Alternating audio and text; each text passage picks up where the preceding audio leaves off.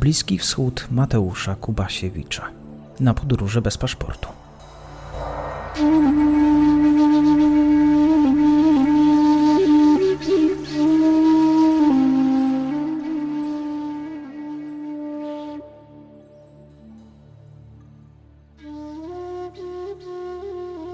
Dzień dobry Państwu, przy mikrofonie Mateusz Kubasiewicz. Zapraszam na piąty odcinek cyklu o historii Iraku, który zaczynamy 1992 roku, kiedy to Saddam Hussein zwraca się w stronę islamu sunnickiego, kiedy zakazuje chrześcijanom prowadzenia sklepów i restauracji z alkoholem, no co prowadzi do pogorszenia ich sytuacji finansowej. E, wielu skłania do emigracji za granicę lub do Kurdystanu.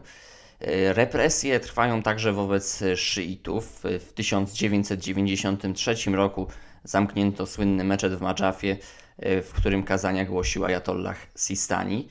Sam Sistani pod koniec lat 90. przebywał w areszcie domowym. W 1994 roku reżim podjął kampanię religijną, wskutek której radykałowie salafitcy zaczęli pojawiać się w meczetach i instytucjach państwowych, a wiele środków przeznaczono na obowiązkowe lekcje Koranu w szkołach. Akcja skierowana była także przeciw homoseksualistom czy prostytutkom. Otwarto Uniwersytet Islamskich Studiów Saddama, sfinansowano w tym czasie też budowę wielu meczetów. Saddam Hussein starał się stworzyć lojalną wobec siebie szyicką frakcję, której liderem miał być syn Mohammada Bakira as-Sadra, Mohammad Sadiq as-Sadr, jednak Mohammad Sadik okazał się niezależny, wyszedł na ulicę m.in. bagdackiej dzielnicy As-Saura, e, to znaczy rewolucja, ale oficjalnie zwana była wtedy miastem Sadama, zaś jego kazania e, płomienne i budowanie struktur równoległych do państwa irackiego, m.in. tzw. Tak sądów plemiennych, zwiększyły jego popularność. No to oczywiście nie mogło się podobać e, Saddamowi Husajnowi. W konsekwencji jego zabójstwa doszło do demonstracji w Basrze i na Syrii. Wojsko odpowiedziało e, przy użyciu broni palnej, e, przeszukiwaniem domów, aresztowaniem ponad 3, 3000 osób, z czego niemal 500 stracono. Zakazano także świętowania Aszury i przepis ten egzekwowano także przy użyciu broni palnej. Duchowym następcą Mohammada Sadika al-Sadra został Kazim al-Heri, ajatollah, który jeszcze wróci w tej naszej opowieści. Tymczasem sytuacja gospodarcza w kraju była trudna. PKB w 1991 roku spadło do poziomu najniższego od początku pomiarów Banku Światowego, czyli od roku 1960. Inflacja wynosiła niemal 200%. W 1994 roku ceny wzrosły o ponad 400%. Złagodzenie sankcji ONZ od 1991 roku zezwolono na import żywności, zaś w 1996 uruchomiono program Ropa za żywność. Umożliwiło ustabilizowanie inflacji, która e, w, w ostatnich latach XX wieku e, nie przekraczała 15% oraz odbicie PKB. Wciąż rosła także jednak populacja Iraku, która w ciągu dekady wzrosła z niespełna 18 milionów do 23 e, milionów w 2000 roku. W związku z powyższym PKB w przeliczeniu na mieszkańca dopiero właśnie w 2000 roku wróciło do poziomu z roku 1978. Wspomniane odbicie gospodarcze było możliwe także dzięki relacjom handlowym z państwami regionu. Trzeba powiedzieć, że iracka inwazja na Kuwait spotkała się z potępieniem większości państw e, Bliskiego Wschodu, e, chociażby Syrii i Egiptu, które wysłały do Arabii Saudyjskiej siły do walki z iracją armią, czy Turcji. Iran nie poparł otwarcie interwencji USA, a w związku z lądowaniem samolotów amerykańskich na jego terytorium ostatecznie zdecydował się na ich internowanie. Jordania nie zajęła w sprawie pustynnej burzy jasnego stanowiska. Y, Bagdad już od lat 80. utrzymywał dobre relacje z Ammanem, y, który wsparł go chociażby w wojnie z Iranem. W latach 1990-91 do Jordanii przybyło około 300 tysięcy uchodźców z Iraku oraz tysiące Jordańczyków, którzy wcześniej pracowali w Iraku. W latach 90. mimo sankcji ONZ kwitł handel między Jordanią a Irakiem. Irak sprzedawał Jordanii ropę po trzykrotnie zaniżonej cenie. Turcja, Iran i Syria, obawiające się, że osłabienie rządu w Bagdadzie może wzmocnić irackich Kurdów, a także rzecz jasna ich pobratymców w sąsiednich krajach, w 1993 wezwały ONZ do zniesienia sankcji gospodarczych nałożonych na Irak i zawarły umowę o przeciwdziałaniu nielegalnemu przekraczaniu granic. W 1995 Turcja i Iran porozumiały się w sprawie oczyszczenia, w cudzysłowie oczywiście, terenów przygranicznych z kurdyjskich separatystów. Jednak wypady tureckie na terytorium Iraku skłoniły Damaszek i Teheran do zawarcia w 1996 roku układu mającego przeciwdziałać obcej ingerencji w irackim Kurdystanie. Irak i Syrię przeciw Turcji jednoczył także sprzeciw wobec budowy tam w Anatolii. Wspomniane tamy do dzisiaj stanowią oczywiście problem, y, jeśli chodzi o dostęp do wody w zwłaszcza północnej Syrii i północnym Iraku. Relacje y, iracko-syryjskie poprawiły się po roku 1997. Jeśli chodzi o relacje Bagdadu z Ankarą, y, Irak nie był w stanie przeciwdziałać tureckim atakom na irackich Kurdów, z ale z Ankarą łączyły go interesy ekonomiczne. Ponad połowa eksportu w ramach programu Ropa za żywność y, szła przez Turcję. Skwidł z tym państwem również handel innymi produktami, początkowo nielegalny, aczkolwiek w 1999 roku Organizacja Narodów Zjednoczonych wyłączyła Turcję z embarga.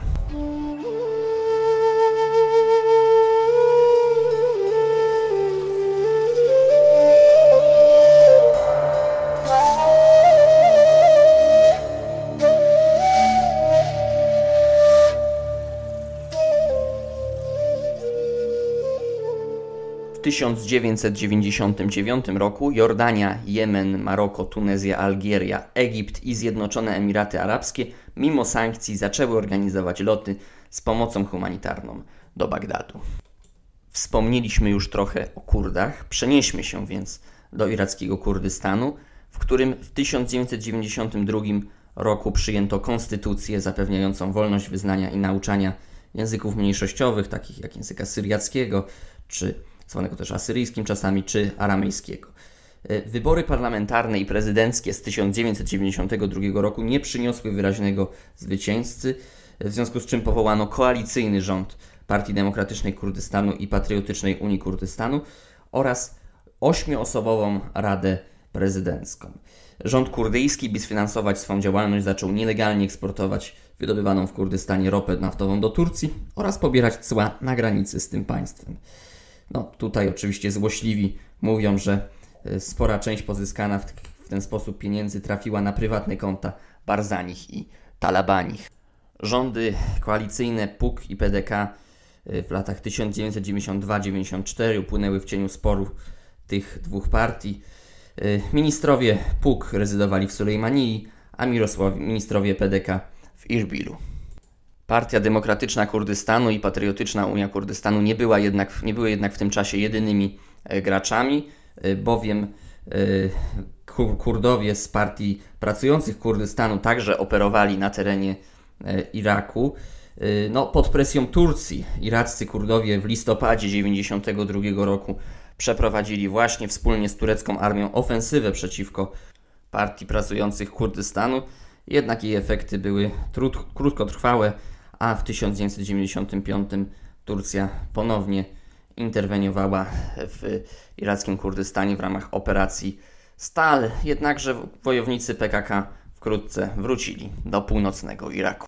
PKK miała o tyle ułatwione zadanie, że Patriotyczna Unia Kurdystanu, no, która, którą łączyła z Partią Pracujących Kurdystanu lewicowa ideologia, y, wspierała po cichu właśnie także partię pracujących e, Kurdystanu, mimo że w 1995 roku zarówno PDK, jak i PUK podpisały z Ankarą umowę o wspólnej kontroli granicy, no, gdzie zobowiązywały się właśnie bronić tutaj granicy, bronić irackiego terytorium przed działaniami partii pracujących Kurdystanu. Jednakże kluczowy konflikt e, w irackim Kurdystanie rozgorzał w roku 1994, kiedy kłótnie Partii Demokratycznej Kurdystanu i Patriotycznej Unii Kurdystanu przekształciły się w regularną wojnę. Od właśnie grudnia 94 roku do lata roku 96 inicjatywa była po stronie PUK, która kontrolując Irbil i większość granicy z Iranem korzystała z dochodów z ceł. PDK czerpała pewne dochody z eksportu ropy, jednak tenże eksport został przerwany. W 1996 roku Patriotyczna Unia Kurdystanu wraz z irańskim Korpusem Strażników Rewolucji e, przeprowadziła udaną ofensywę na e, pozycję e, PDK. W tym momencie Masud Barzani, przywódca Partii Demokratycznej Kurdystanu, zwrócił się o pomoc do Bagdadu i wraz z armią iracką, która rzecz jasna naruszyła strefę zakazu lotów, zajął Irbil i Sulejmanię, spychając Patriotyczną Unię Kurdystanu do Iranu. Następnie ogłoszono amnestię dla członków PUK, jednak w 1997 ponownie doszło do walk, tym razem po stronie Partii Demokratycznej Kurdystanu interweniowała Turcja. W 1998 roku w Waszyngtonie Masud Barzani i Jalal Talabani podpisali porozumienie pokojowe sankcjonujące kontrolę Partii Demokratycznej Kurdystanu nad północą y, Kurdyst irackiego Kurdystanu, a Patriotycznej Unii Kurdystanu nad południem tegoż regionu, czyli utrwalił nam się ten podział, y, który w zasadzie mamy do dzisiaj, to znaczy PDK y, kontroluje Irbil, a PUK Sulejmaniję. W 1996 roku reżim iracki zniósł blokadę ekonomiczną Kurdystanu.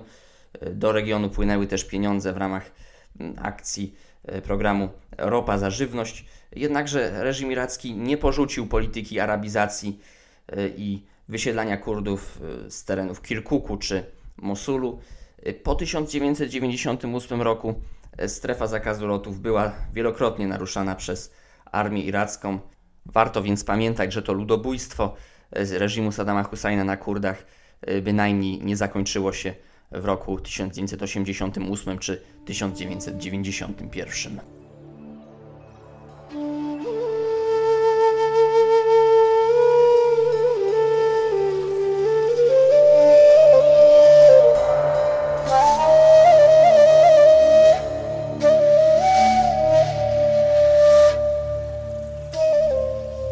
Teraz czas wprowadzić kolejny wątek do naszej opowieści mianowicie wątek irackiej opozycji na emigracji oraz relacji Iraku z Zachodem. Y, już wspominałem w poprzednim odcinku, że w 1990 roku w Bejrucie powstała Wolna Rada Iracka, jednocząca 17 ugrupowań kurdyjskich, szyickich, nacjonalistów arabskich czy komunistów. Y, w Amanie wtedy utworzono irackie porozumienie narodowe, którego przywódcą był szyita Iyad Alawi. Ta postać nam jeszcze w naszej opowieści wróci. Y, w 1992 roku y, w ramach konferencji, które odbyły się w Wiedniu, y, a także w Salah ad-Din, powołano, czyli w irackim Kurdystanie, powołano Iracki Kongres Narodowy z Ahmedem Chalabim, czyli szyitą, ale szyitą świeckim na czele. Jednoczył on różne organizacje opozycyjne w tym partię Dawa i Najwyższą Radę Rewolucji Islamskiej w Iraku. No i tu jest to warte podkreślenia, że te y, organizacje opozycyjne irackie rezydujące na Zachodzie nawiązały współpracę z opozycją wspieraną przez Iran. Kongres jednak no, nie był wspólnym, spójnym sojuszem. W 1995 roku wystąpiła z niego partia Dawa chociażby. Y, trzeba powiedzieć, że iraccy dysydenci w pierwszej połowie lat 90. otrzymali od Stanów Zjednoczonych ponad 100 milionów y, dolarów, a w ramach Iraqi Liberation Act y, z 1998 roku przekazano im podobną kwotę.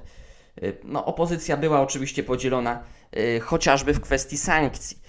Dawa i partie kurdyjskie wzywały do ich zniesienia, jednak irackie porozumienie narodowe i iracki kongres narodowy uważały, że najpierw reżim Saddama Husajna powinien spełnić warunki ONZ, a później można dopiero mówić o znoszeniu sankcji. W 1993 roku Irak, licząc na złagodzenie sankcji, zgodził się na kontrolę United Nations Special Commission, w skrócie UNSCOM, y, powołanej na mocy rezolucji ONZ, nad rozbrojeniem Iraku. Y, zamach na George'a Busha w tym samym 1993 roku, czy gromadzenie wojsk na granicy z Kuwejtem w roku 1994 spowodowały bombardowania karne Stanów Zjednoczonych, które właśnie w 1993, 2004 i 2006 roku miały miejsce. Utrudnianie inspektorom dostępu do fabryk y, spowodowało wycofanie UNSCOM z Iraku w 1998 roku. Y, w grudniu tegoż roku w ramach operacji Pustynny Lis zaatakowano fabryki zbrojeniowe, lotniska i e, rafinerie w Basrze. Tu trzeba wspomnieć, że Arabia Saudyjska, która popierała sankcje ONZ, gdyż wykluczały one z rynku ropy jednego z jej rywali, to sprzeciwiała się operacji Pustynny Lis i następnie też operacji zbrojnej w Iraku. Fin- ko- korzystając finansowo właśnie na tym status quo, na istnieniu osłabionego Iraku, który nie mógł wykorzystać swych, y, pełni swych możliwości w kwestii eksportu ropy. Na początku XXI wieku Irak dzięki umowie gospodarczej z Syrią właśnie przez Syrię eksportował ropę, omijając sankcje ONZ. Irackie PKB w związku z powyższym w 2000 roku wzrosło o ponad 13%. W 2001 roku jednak spadło o 1, a w 2002 o 10%. W latach właśnie 2001-2002 inflacja była bliska 20%. Jedna piąta społeczeństwa była niedożywiona, według oficjalnych statystyk. Połowa ludności nie miała dostępu do bezpiecznej wody, a dwie trzecie do instalacji sanitarnej. Umieralność kobiet przy porodzie także wzrosła właśnie w latach 90. trzykrotnie. W 2000 roku ponad 70% kobiet i 40% mężczyzn było analfabetami. Według organizacji, Międzynarodowej Organizacji Pracy bezrobocie wynosiło ponad 8%, no ale szacunki mówią raczej o 30-50%. Zarobki były niskie, 20 dolarów miesięcznie uchodziła za dobrą pensję, jednak rząd dotował żywność, prąd czy paliwa. System ten sprzyjał rozwojowi korupcji, a członkowie partii BAS, czyli około 3 milionów osób, no, czyli ponad 1 dziesiąta społeczeństwa, mogli liczyć na lepsze zaopatrzenie. I o ile na przykład na prowincji częste przerwy w dostawach prądu występowały, to w Bagdadzie w 2002 roku elektryczność była dostępna przez większość doby. Y, zaś jeszcze a propos, mówiliśmy o liczebności partii BAS 3 milionowej, y, armia liczyła ponad 400 tysięcy ludzi, czyli mniej więcej 7% siły roboczej. Jesienią 2002 roku Saddam Hussein zorganizował referendum, w których według oficjalnych danych niemal 100% Irakijczyków poparło kolejną kadencję tegoż polityka. 2002 rok jest ważny także dlatego, że w tym roku po raz pierwszy od wybuchu wojny domowej doszło do wspólnych obrad no, parlamentu z udziałem właśnie Patriotycznej Unii Kurdystanu i Partii Demokratycznej Kurdystanu, parlamentu kurdyjskiego oczywiście. W grudniu 2002 roku w Londynie 25 organizacji opozycyjnych zjednoczyło się w komitecie koordynacyjnym. W jego skład, oprócz Irackiego Kongresu Narodowego, Irackiego Porozumienia Narodowego, czyli tych partii no, emigracyjnych funkcjonujących na Zachodzie, weszły także Partia Demokratyczna Kurdystanu, Patriotyczna Unia Kurdystanu, Islamska Unia Kurdystanu, ale także no, proirańskie, proirańska Najwyższa Rada Rewolucji Islamskiej w Iraku, E, czy Islamska Partia Iraku, czy partie turkmeńskie, asyryjskie. E, wybrano 15-osobowy komitet organizacyjny, e, jednakże tę londyńską konferencję zbojkotowały partia Dawa i, i iracka partia komunistyczna. Opozycja zgodziła się, że Irak powinien być państwem federalnym, pluralistycznym, opierającym się na demokracji parlamentarnej, a wszystkie grupy etniczne i religijne winny uczestniczyć w sprawowaniu władzy. No to był oczywiście ukłon w stronę Kurdów. Y, Kurdów, którzy y, w konstytucji irackiego Kurdystanu, tej przyjętej w 1992 roku, właśnie takie rozwiązanie proponowali. To znaczy, y, to jest w ogóle bardzo ciekawy dokument, ta konstytucja z roku 92, w którym no, autorzy stwierdzają, że no, zakładają, że Kurdystan będzie funkcjonować w federalnym państwie irackim, Wprawdzie oczywiście wtedy o zgodzie na federalizację Iraku przez Saddama Husajna nie było mowy, ale konstytucja jakby antycypuje i zakłada, że jednak takie federacyjne państwo powstanie. W lutym 2003 roku w Salah właśnie w Kurdystanie irackim, wybrano komitet wykonawczy, w skład którego weszli szyici, y, tacy jak Ahmad Chalabi, a także związany bardziej z Iranem Muhammad Bakir al-Hakim i Kurdowie, no oczywiście Jalal Talabani i Masud Barzani. Y, członkostwa w tym komitecie wykonawczym odmówili jednak sunnici. W 2002 roku Kongres Stanów Zjednoczonych przyjął rezolucję pozwalającą na użycie siły przeciw Irakowi. Irak na żądanie Rady Bezpieczeństwa ONZ wpuścił jednak inspektorów UNSCOM i przekazał im informacje dotyczące broni masowego rażenia, w związku z czym ONZ nie przegłosowała wobec tego państwa proponowanego przez Stany Zjednoczone ultimatum.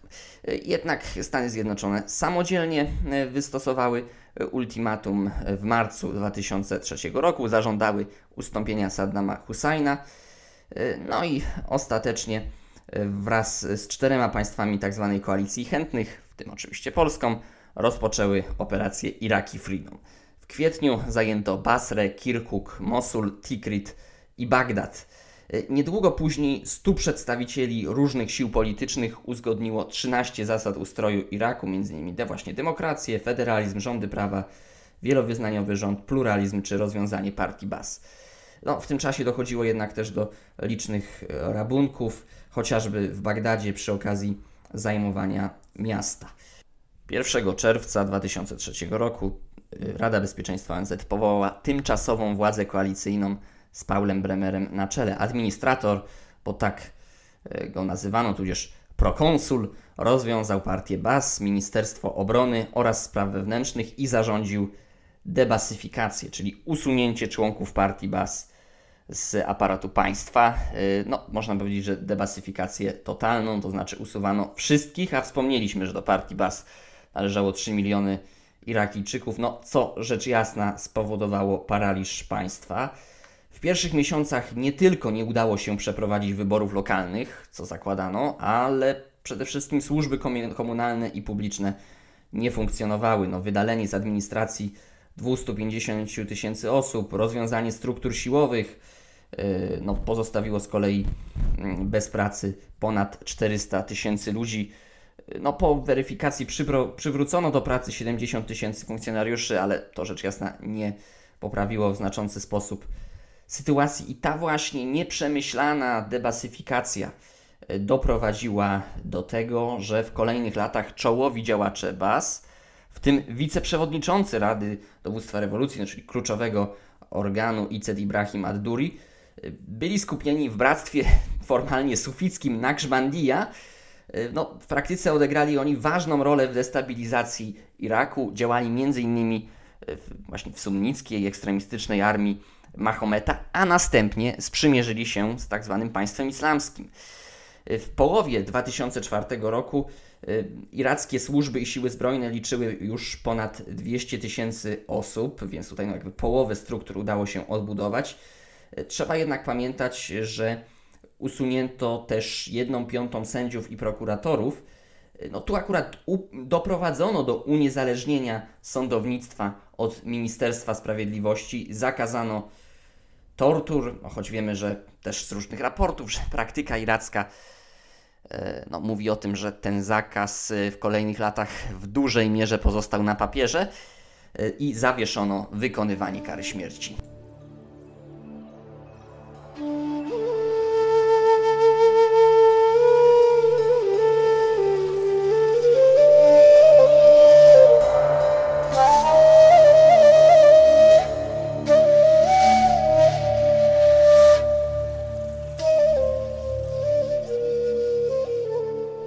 Pierwszych latach po inwazji brakowało ropy, gazu, żywności i wody. Oficjalne bezrobocie przekraczało 25%. No, w praktyce mm, to mniej więcej połowa siły roboczej była bez pracy. No, braki prądu utrudniały pracę szpitali.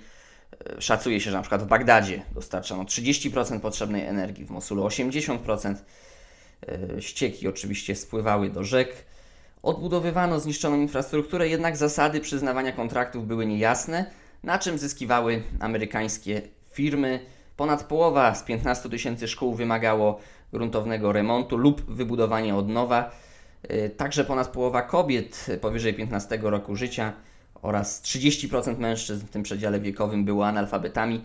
Tymczasowa władza koalicyjna początkowo kontynuowała dotowanie żywności i ropy, no a później ograniczenie subsydiów doprowadziło rzecz jasna do wzrostu inflacji. Wojna i sytuacja gospodarcza sprawiły, że w 2007 roku Wysoki Komisarz ONZ do spraw uchodźców szacował liczbę uchodźców z Iraku na prawie 2 miliony osób, głównie w Syrii, Iranie i Jordanii, zaś liczbę osób wewnętrznie przesiedlonych na ponad 1,5 miliona. Jedną trzecią wśród uchodźców stanowili chrześcijanie, czyli tutaj to zdecydowanie większy odsetek niż w całej populacji Iraku. W ogóle jeśli chodzi o liczby, no to tutaj rzecz jasna spis powszechny ostatni w Iraku odbył się kilka dekad temu, więc z liczbami sprawa jest mocno niepewna. No, nie ulega wątpliwości, że liczba chrześcijan w Iraku po 2003 roku, no, później także wskutek wojny z ISIS, e, zdecydowanie się zmniejszył. W lipcu 2003 roku tymczasowa władza koalicyjna powołała 25-osobową iracką radę zarządzającą. W jej skład weszło 13 szyitów, w tym m.in. E, Abdelaziz al-Hakim, brat Muhammada Bakira al-Hakima, e, czy trzech członków partii Dawa, pięciu sunnitów i pięciu Kurdów, w tym oczywiście panowie Barzani i Talabani, także Turkmen i chrześcijanin. 1 września 2003 roku Paul Bremer powołał tymczasowy rząd, jednakże bez premiera. To on dalej sprawował nadzór nad administracją Iraku. W połowie listopada Bremer podpisał z iracką Radą Zarządzającą umowę sankcjonującą wybór członków tymczasowego Zgromadzenia Narodowego przez organy e, administracji lokalnej. No to oczywiście było korzystne z punktu widzenia Bremera, gdyż w istocie kluczowy wybór na wpływ na wybór tych organów właśnie administracji lokalnej miała tymczasowa władza e, koalicyjna, w związku z czym wspomniane porozumienie 15 listopada spotkało się z krytyką chociażby Ayatollaha Sistaniego. E, w grudniu 2003 roku uwięziono Saddama Husajna. W styczniu 2004 roku Iracka Rada Zarządzająca podjęła decyzję o przywróceniu prawa religijnego jako podstawy kodeksu cywilnego i karnego, no, co doprowadziło do protestów świeckich y, kobiet. W konsekwencji Bremer zapewnił, że nie pozwoli, żeby Irak skręcił w stronę państwa religijnego, a uchwalone właśnie w 2004 roku tymczasowe prawo administracyjne dało Irakijczykom prawo y, czy wolność zmiany religii. Y, to prawo sprawiło, że, czy ogłosiło, że Irak staje się państwem demokratycznym, federacyjnym, z dwoma językami urzędowymi, arabskim i kurdyjskim.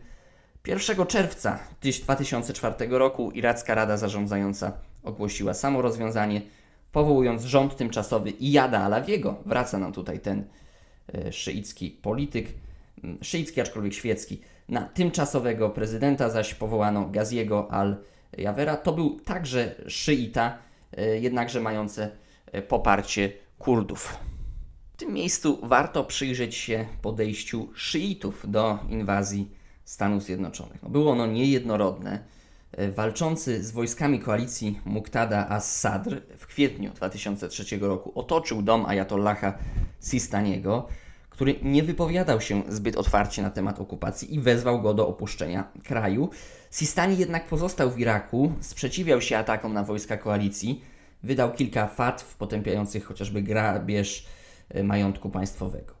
Mm, choć Sistani krytykował tymczasową konstytucję, to zaakceptował rząd Iyada Alawiego. Z nielicznych wypowiedzi publicznych Ayatollaha Sistaniego wyłania się pogląd, że państwo i prawo irackie powinno w jakimś sensie wzorować się na prawie islamskim, jednak jest przeciwnikiem powołania Islamskiej Republiki na wzór irański, ma inną wizję roli jurysty muzułmańskiego, który nie powinien być tak jak w przypadku Iranu. E, władcą. To nie jest doktryna wilayat al-Faqih Ayatollaha e, Khomeiniego, to jest raczej doktryna, w której ów jurysta muzułmański jest jedynie e, doradcą. Z kolei Muhammad Bakir al-Hakim, inny ważny ajatollah, który wrócił do Iraku w maju 2003 roku, krytykował amerykańską okupację, ale równocześnie potępiał ataki na siły koalicji. Po jego zamordowaniu w sierpniu 2003 roku przywództwo w Najwyższej Radzie Rewolucji Islamskiej w Iraku przejął jego brat Abd al-Aziz.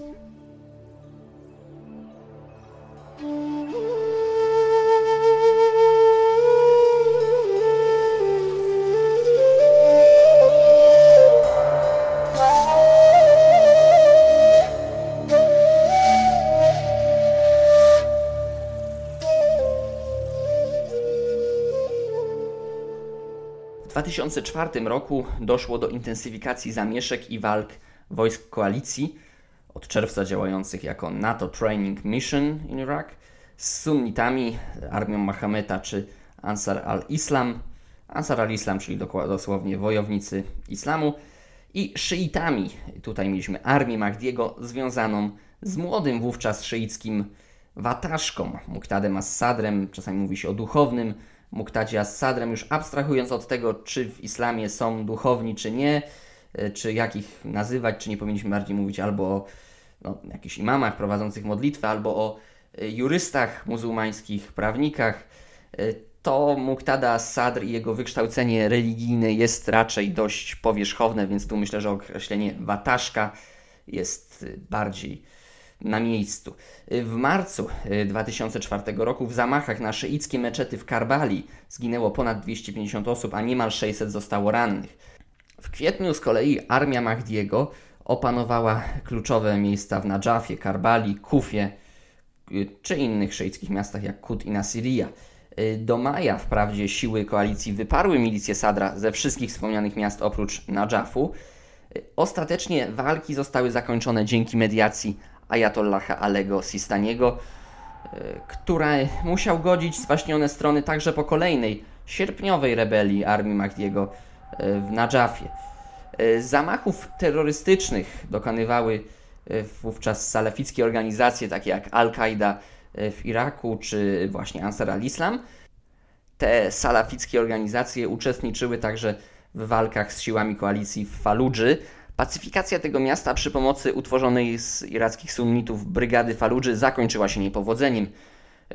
No, owa brygada dołączyła do rebeliantów. Siły koalicji przejęły kontrolę nad Faludżą dopiero w listopadzie 2004 roku po rujnujących miasto walkach. W styczniu 2005 roku wybory parlamentarne zostały zbojkotowane przez sunnitów. Frekwencja w związku z tym wyniosła niespełna 60%. Ten bojkot odbył się na wezwanie Stowarzyszenia Muzułmańskich Uczonych zachęcających do oporu wobec okupacji. Z kandydowania wykluczono członków partii BAS z wyłączeniem tych najniższych rangą, którzy podpisali odpowiednią deklarację, także pracowników aparatu bezpieczeństwa sprzed 2003 roku i wojskowych w służbie czynnej.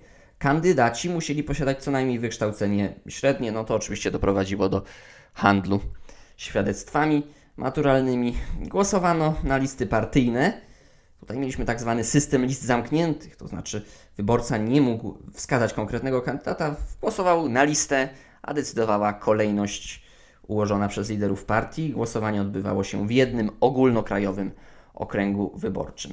Zjednoczony Sojusz Iracki, czyli szyicka koalicja utworzona z cichym poparciem Ayatollaha Sistaniego wokół partii Dawa i Najwyższej Rady Rewolucji Islamskiej w Iraku, y, no, w skład tej, tego Zjednoczonego Sojuszu Irackiego. Co ciekawe, weszło też kilkunastu stronników Muqtada as-Sadra, którzy, który oficjalnie bojkotował wybory.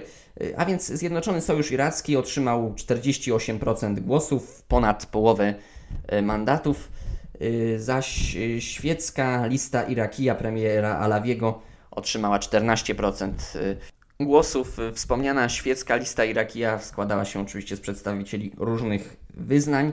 Dobry wynik uzyskał też Demokratyczno-Patriotyczny Front Kurdystanu, zrzeszający zarówno Partię Demokratyczną Kurdystanu, jak i Patriotyczną Unię Kurdystanu, a także inne regionalne partie, czy lewicowe, islamskie, turkmeńskie, czy chrześcijańskie. Ów Demokratyczno-Patriotyczny Front Kurdystanu uzyskał 26% głosów. Jedną czwartą y, mandatów zgodnie z tymczasowym prawem administracyjnym objęły kobiety. Y, bojkot wyborów przez sunnitów sprawił, że Zjednoczony Sojusz Iracki uzyskał bezwzględną większość w parlamencie. Jednakże w dniu głosowania doszło do ponad 300 zamachów, w których zginęło blisko 30 osób. Liczne były także przypadki zmuszania, np. przez Korpus Badr, do głosowania na Zjednoczony Sojusz y, Iracki. Y, Zgromadzenie Narodowe swym przewodniczącym wybrało Hajima al-Hassaniego, y, sunnitę. To był gest wobec sunnitów, no bo przecież sunnici wybory bojkotowali i weszli oni tylko ze świeckiej listy y, Irakija. Premierem został szyita Ibrahim al-Jafari, lider partii al-Dawa, a prezydentem, co ciekawe, Kurd Jalal Talabani. Ten podział kluczowych pozycji w państwie no, utrzymał się także w kolejnych latach. Utrzymał się, utrzymał się ten zwyczaj, że mm, premierem jest szyita, marszałkiem, speakerem parlamentu sunnita, a prezydentem kurd. No tutaj jeszcze mieliśmy ten wątek, że w związku z tym, że Talabani został prezydentem Iraku, a Masud Barzani był prezydentem y, regionu Kurdystanu, no to oba klany, y, ambicje obu klanów zostało, y, zostały zaspokojone. W skład rządu weszło 17 szyitów, 8 kurdów i 6 sunnitów, także jedna chrześcijanka. W sumie mieliśmy 6 kobiet. Czołowe stanowiska w Ministerstwie Spraw Wewnętrznych objęli dowódcy Korpusu Badr. Ministrem obrony został jednak sunnita. Reakcją na powołanie zdominowanego przez szyitów i kurdów rządu były zamachy dokonywane przez salafitów, w których w maju 2005 roku zginęło ponad 800 osób. Równolegle z wyborami parlamentarnymi odbyły się także wybory lokalne.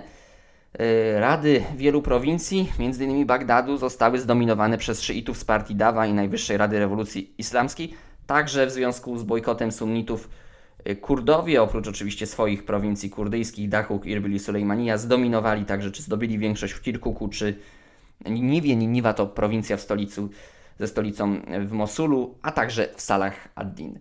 Jednakże o kolejnych y, wydarzeniach y, w irackiej polityce, o tworzeniu konstytucji Iraku, kolejnych, tym razem już nie zbojkotowanych przez sunnitów wyborach parlamentarnych, a także o wydarzeniach na poziomie e, regionalnym, kurdyjskim opowiem już w następnym odcinku. W dzisiejszym podcaście to wszystko. Dziękuję za uwagę. Do usłyszenia.